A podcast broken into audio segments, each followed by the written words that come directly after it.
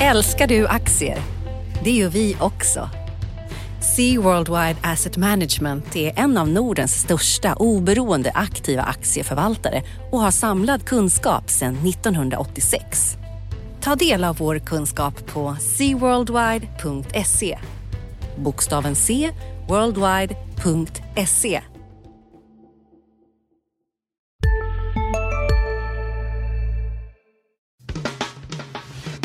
Analyspodden från Dagens Industri. Erika Hallbäck, vad är Lendify? Lendify är en marknadsplats för lån mellan privatpersoner. Vi vill vara en allvarlig utmanare till storbankerna. Vi vänder oss endast till de mest kreditvärdiga låntagarna och vi har tillstånd från Finansinspektionen. Varför ska man låna ut pengar via er istället för att sätta in dem på banken? Hos oss får långivarna avkastningen och inte bara banken. Våra långivare har haft en genomsnittlig årsavkastning på cirka 7% Vi erbjuder ett alternativ till traditionellt ränte och aktiesparande. Vem står bakom Lendify?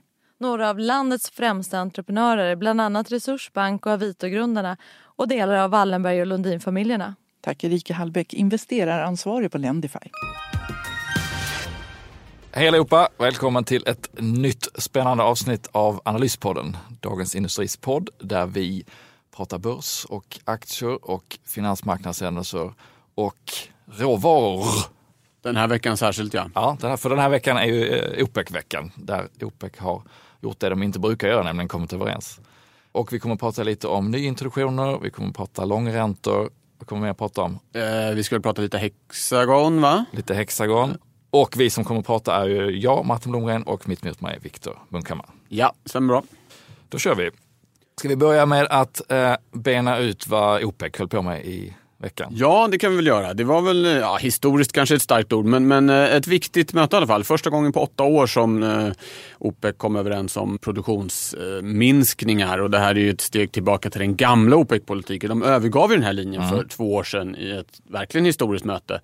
Eh, och sen har det ju varit lite kaotiskt på, på oljemarknaden. Nu försöker de ta greppet igen då. Eh, och det har ju fått väldigt fart på oljan att de lyckades. De flesta lutade nog att det inte skulle bli en överenskommelse. Nej, de, precis. De hade ju kommit halvöverens redan i september tror jag det var, om att de skulle komma överens ja. i, på det här mötet. Och sen var det rätt dåliga tongångar därifrån ända fram till... Eh, precis, ja. dagen innan så lät det då som att nej, men Iran, de behöver inte vara med tyckte de själva för att de har precis fått släppta sanktioner. Irak behöver inte vara med för att de har ju haft krig och så vidare och så vidare. Eh, Saudiarabien ligger på för att få fler att vara med på produktionssänkningar. Men till slut så kom de överens om 1,2 miljoner fat per dag mindre i produktion från årsskiftet, vilket skulle bli 32,5 miljoner fat per dag.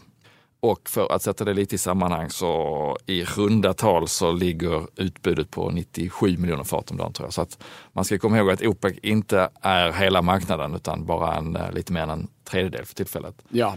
Så att de kan ju bara påverka ja, sen har de ju då i den här överenskommelsen fått med sig en del länder utanför mm. också. Ryssland är det, det viktigaste där skrivningarna verkar ju vara lite lösa i kanten. Ryssland har lovat att minska, oklart egentligen från vilken nivå. Eh, så att om det i praktiken blir en minskning av den ryska produktionen eller om det blir att den eh, bara fryses, eh, lite oklart. Och som alltid med de här överenskommena, tittar man historiskt på det har ju OPEC haft väldigt svårt att hålla sig till vad man har kommit överens om. I praktiken har det varit Saudiarabien som har fått dra det, det tunga lasset ja. också till att hålla nere produktionen. Och det får vi väl verkligen se hur det blir den här mm. gången också. Så att bara för att man har kommit överens behöver det inte betyda att det blir de här minskningarna. Nej, men priset steg 9 tror jag det var på onsdagen när de gick ut med det här. fortsatte upp på torsdagen.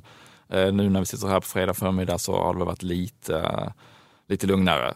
Men eh, precis som du säger så är det ett stort frågetecken om man kan hålla där. För dels är ju länderna i OPEC och de andra som, som vill minska då, det är tveksamhet om de verkligen kommer hålla det. Det finns ju ett jätteincitament att smussla lite och pumpa upp mer olja än vad man har förbundit sig till. Klassiskt fall av free riding. Exakt, mm. och sälja till ett högre pris eh, medan de andra håller igen då. Det är den ena komponenten, de som är inne i OPEC. Och sen så har vi ju de amerikanska producenterna, inte minst på skifferolja, som ju till slut var, faktiskt var tvungna att dra ner ordentligt. Man kan ju se varje fredag så släpps det då en statistik på aktiva riggar i Nordamerika, rig count. Och den låg 2014 så var det nästan uppe på 2000 aktiva riggar, gick ner till som mest 400 tror jag det var i, tidigare under det här året. Nu har den hoppat upp till 600 riggar och Eh, man hade som sagt 2000 bara för två år sedan. Så det finns ju en jättekapacitet att sätta in om priserna går upp. Så att eh, de här skifferriggarna i Nordamerika som har stått i malpåse nu, det är ju ett jättehot också mot priset skulle jag säga. När de kör igång så kommer utbudet öka igen. Ja, och det man ska säga också är att tekniken förbättras ju hela tiden. Mm. Så att det, de, de oljepriser som gör det lönsamt att dra igång och hålla igång de här riggarna sjunker ju hela tiden. Det är ju en skillnad mot när det här mötet för två år sedan då när Saudiarabien bestämde att nej men vi kommer inte försöka styra kvantiteten utan marknaden får eh, lösa det här. Då var runt 75 dollar fatet bedömde man att de här amerikanska mm. producenterna behövde. Nu har det sjunkit till ungefär 60 dollar fatet.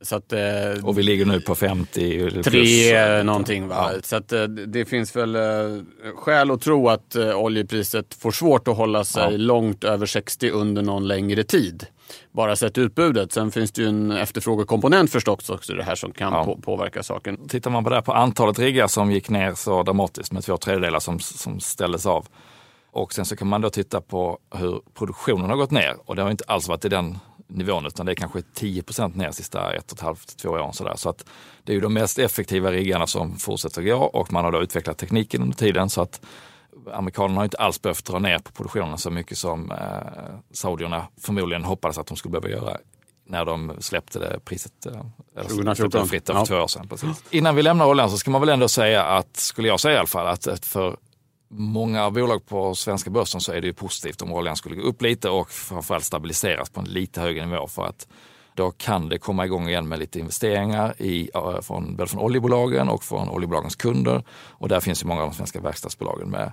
utrustning och eh, service och tjänster. Så att... Det gäller generellt eh, för hela, inte bara den svenska börsen. Att, eh, normalt säger man att en oljeprisfall är bra för världsekonomin mm. men ett så dramatiskt och snabbt som det var och också att det slog så hårt just på, som du säger, på investeringar gjorde att det faktiskt var, har varit tvärtom här. Att sjunkande oljepris, sjunkande börser, stigande ja. oljepris, stigande börser. Ja, och ett tag kunde man nästan läsa in börshumöret i oljepriset timme för timme. Men riktigt så har det inte varit nu. Det är inte, det är inte så att oljan har drivit börsen skulle jag säga den här veckan. Men eh, tillsammans med infrastruktursatsningar som Trump gör så finns det ändå ett sug efter cykliska aktier som kan gynnas av den kombinationen. Så att eh, de har gått bra sen USA-valet. Japp, bra.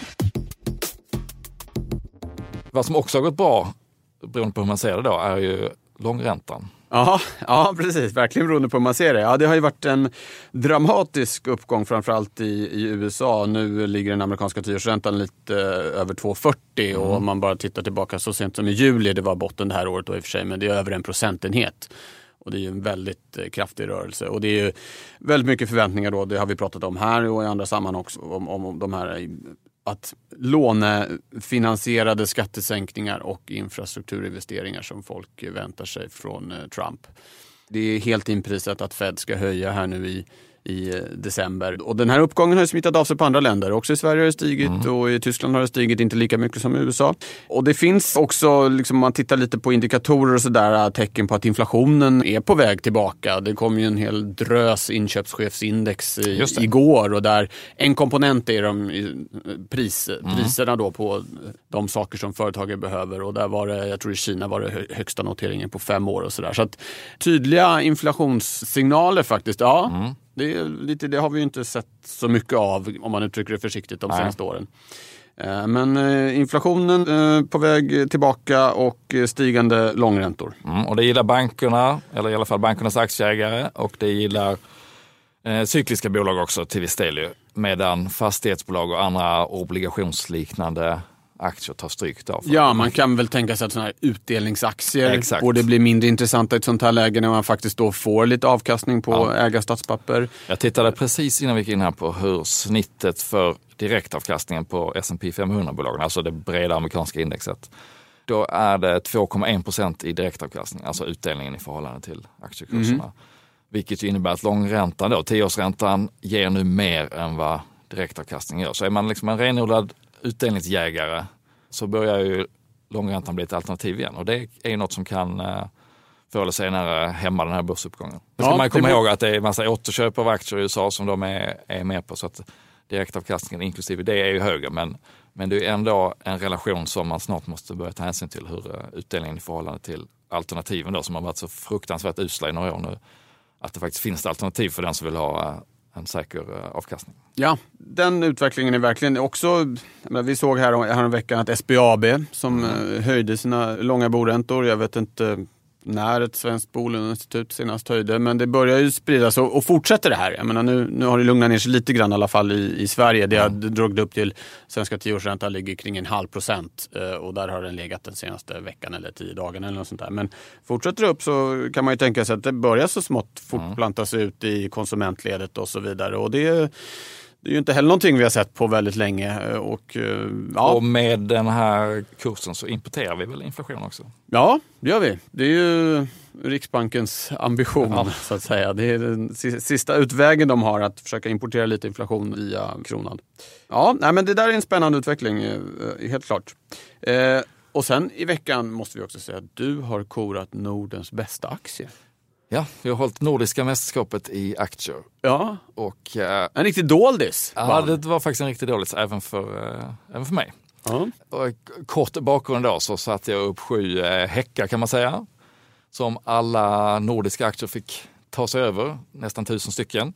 Och med hjälp av en databas då, jag satt inte hand för hand och tog aktie för aktie. Och, Eh, det handlade om ett börsvärde över en viss nivå, en direktavkastning över en viss nivå, en vinsttillväxt över en viss nivå, eh, ett visst antal analytiker som ska följa bolaget så man får en viss genomlysning i alla fall och så vidare.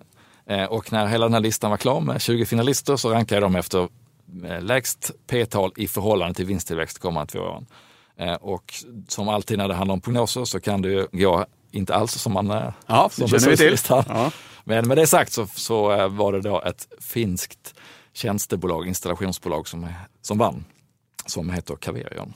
Caverion, ja. Nordens bästa aktie. Och de har haft ett tufft år. De har fått eh, göra lite nedskrivningar, eh, skära ner personal.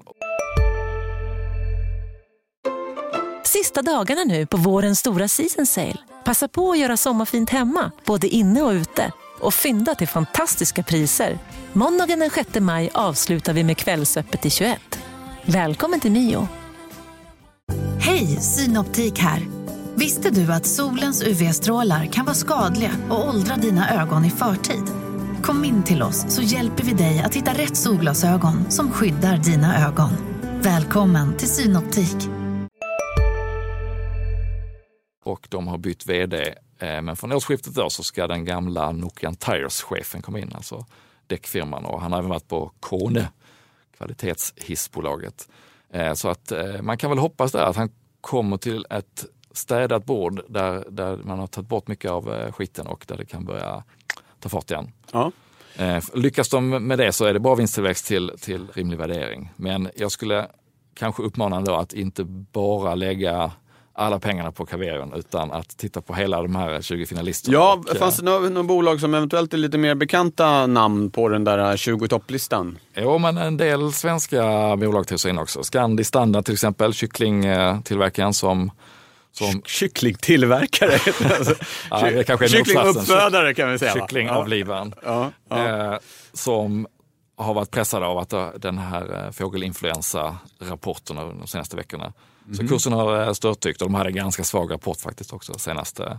Mm. Eh, men, men eh, kursen har nog fallit betydligt mer än vad de långsiktiga vinstutsikterna ser ut som. Så att den, den kvalar in på listan.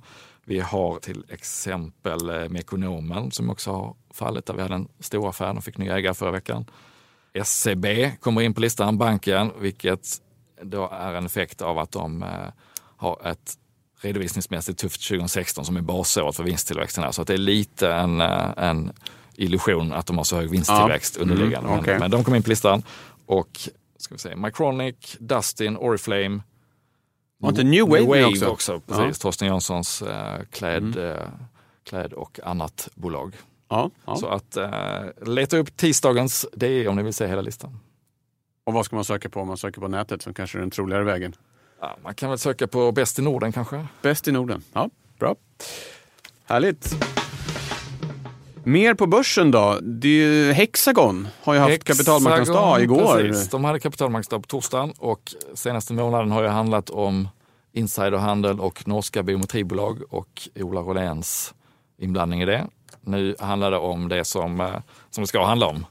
Hur bolaget ska prestera de närmaste åren. De har ju en vana att komma med långsiktiga fyra, femåriga mål som de sen har uppfyllt hyfsat. Den här gången eh, lyckas de inte nå hela vägen, men de kommer med nya mål nu som ska sträcka sig 2017 till 2021. Och eh, i kort summering då så kan man säga att de drar ner på ambitionen vad det gäller organisk tillväxt från 8 till 5 procent, men vill fortsätta köpa bolag för 3 till 5 procent så att de väntar sig en årlig tillväxt på mellan 8 och 10 procent och eh, har höga mål för rörelsemarginalen som ska ligga på mellan 27 och 28 procent om fem år. Vad ligger den idag ungefär? 23, 23,5. Ja, det låter aggressivt. Ja, det är aggressivt. Utan, jag kan inte bolaget, men det låter som en rejäl höjning. Ja, det är 27-28 procent rörelsemarginal är inte många bolag överhuvudtaget som presterar, men det, det beror också på att de inte längre är ett tillverkande konglomerat utan att de går från ett verkstadsindustriföretag till att bli ett mer mjukvarubolag. De köper bolag med mer mjukvara, de växer sin egen del där det mjukvara mer än vad den andra gör och där är det jättehöga bruttomarginaler. När man säljer en ny mjukvara så är det nästan inga kostnader för tillverkningskostnader utan det är nästan 100% marginal på, mm. på den sista produkten man säljer. Eh, å andra sidan får man högre försäljningskostnader, man måste kanske vara ute och utbilda på ett annat sätt än vad en, en eh, försäljare som bara tar emot order gör. Så att kostnaderna kommer längre ner i resultaträkningen men eh, all in all så ska det ändå innebära en marginalhöjning till 27-28 procent. Och lyckas de med det så gjorde jag en snabb kalkyl så ska rörelsevinsten i mitt intervallet där, då skulle den hamna på 13 miljarder ungefär. Börsvärdet nu ligger på 110 ungefär. Om man bara tittar på B-aktien i alla fall. Så att det ser väl ganska billigt ut men då ska man ju komma ihåg att det är fem år fram. Och, eh, och, och de ska lyckas med det också. Om man ska lyckas och när det gäller den organiska tillväxten så jag lyssnade på eh, kapitalmarknadsdagen över internet så, så var det ju ganska tydligt att eh, Ola Rolén, då vdn, ville spela ner lite grann hur, hur mycket man kommer få gratis den närmaste tiden. Man måste satsa mer på innovation, hitta disruptive tekniker där man kan växa, för man kommer inte få en, en BNP-tillväxt på ett antal procent och sen ska man bara lägga på lite extra för att man är duktig, utan man måste göra mycket mer av jobbet själv. Så det var en intressant take tyckte jag, att det, det, det är fortfarande höga tillväxtmål, men det kommer att krävas mer eget eh, arbete. Hur reagerade marknaden på det här? Var, var det ungefär som man hade den, trott? Ja, Lät det som man trodde eller? Marginalmålet är lite högre än vad snittet var, men då hade de flesta trott att 2020 var slutåret, nu var det 2021, så det kan man väl uh, säga att de mm. skulle fortsätta upp lite till mm. efter det. Uh, och snittet för organisk tillväxt ligger omkring 5 procent, men, men det, jag tycker ändå det är en signal om att det är svårare att nå det, som var ganska tydlig, och om att det kan komma gropar här längs vägen. Så att aktien föll lite grann, men de kommentarer som kommit i, rapport, i analysen nu efter har varit hyfsat positiva. Då, att det är en med nykter syn på tillväxten och att den här marginalresan fortsätter är bra. Och kanske att man eh, också gillar att, att det här målet är på fem år och att det innebär väl indirekt någon slags åtagande att Rolén är kvar i fem år. Han kommer inte att försvinna såvida inte, såvida inte eh, han hamnar i finkan igen. Ja, ja. ja den, den, det är fortfarande ett stort frågetecken mm. hur den där insiderutredningen ska gå förstås. Ja, okej. Okay. Bra. Ska vi säga också att vi eh, har fått ett eh, första litet prov på vad Trumps ekonomiska politik eh, ska betyda mm. i, i, praktiken. Han var i Indiana igår och meddelade att ett företag som heter Carrier som tillverkar luftkonditioneringssystem eh, ska få någon typ av statligt stöd och då kunna vara kvar. Eh, det här företaget hade annars i princip en färdig fabrik i Mexiko och skulle flytta dit. Nu blir de tusen anställda kvar i, i Indiana. Klang och jubel förstås, mm. alla glada. Men eh, det här är ju lite som att kissa i byxorna. Det är varmt och skönt men sen blir det kallt och jobbigt. Eh, det finns många företag i USA med tusen anställda eh, och om Trump ska åka runt och med statliga pengar stödja allihopa så blir det väldigt dyrt. Bolagen blir sannolikt väldigt ineffektiva. Mm. Så att, om det är så här det ska bli så bådar det inte gott Nej.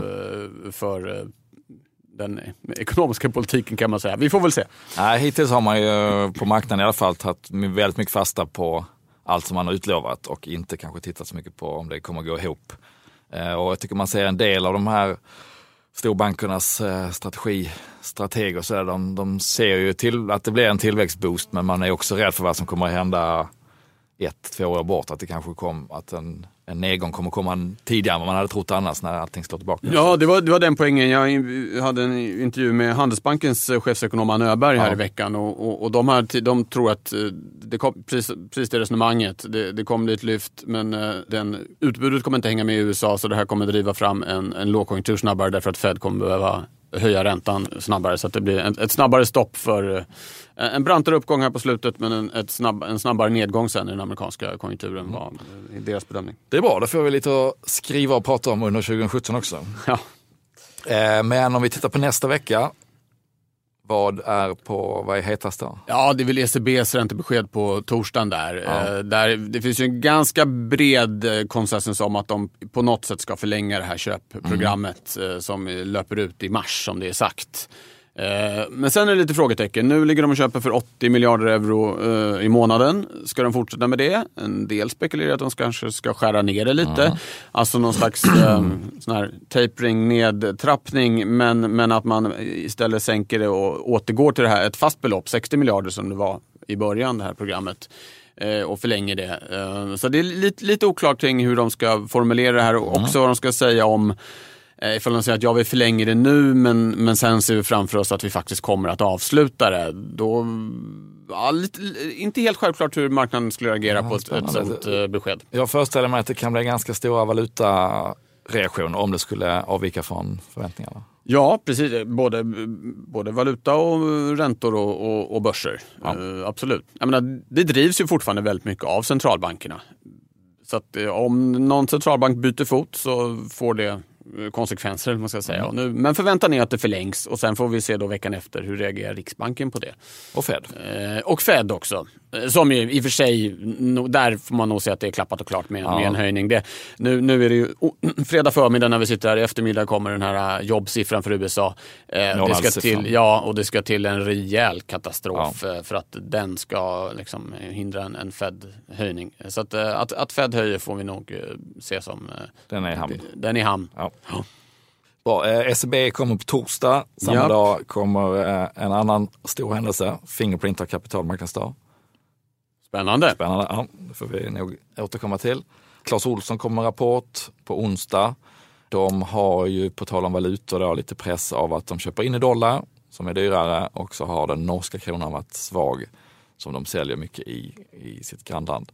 Så de har haft en tuff valutasits och eh, även om de säkrar så tar det en tid då innan, innan det slår Och det är första ka- kapitalmarknadsdagen för nya vd va? Nej, det, till att börja med är det inte kapitalmarknadsdag ens utan det är en kvartalsrapport. Jaha. Det, nej, det är sista för eh, Claes Claes Balkov. Balkov som Jaha, slutar vid okej. årsskiftet. Ja, ja. Ja, Efter nästan tio år. Eh, och så är det tillförordnade, det är då vice vdn som tar över, men vem som blir långsiktigt är inte riktigt klart än. Så okej. Det finns lite osäkerhetsmoment där, men samtidigt ska man veta då att aktien har gått riktigt dåligt sen i våras. Mycket på den här valutaoron tror jag. Det blir spännande att se. Nedsidan är begränsad då kanske? Ja, jag skulle nog säga det. Ja. Ja, vad är det mer som händer? Vi har eh, Knorrbremses bud på Hallex, den här långa, långa Ja. bromssåpan eh, såpan som har pågått under hösten. Löper ut måndag.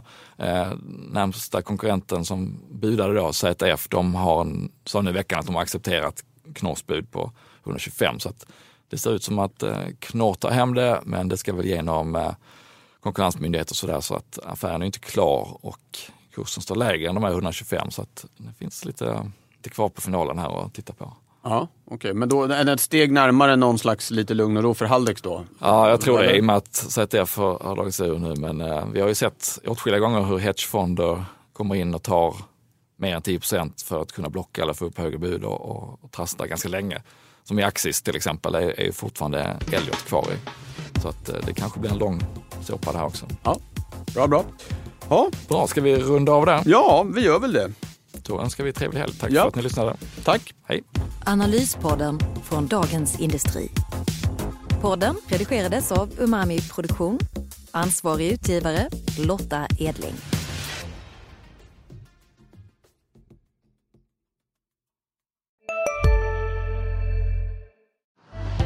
Älskar du aktier? Det gör vi också. Sea Worldwide Asset Management är en av Nordens största oberoende aktiva aktieförvaltare och har samlad kunskap sedan 1986. Ta del av vår kunskap på seaworldwide.se. Bokstaven C, worldwide.se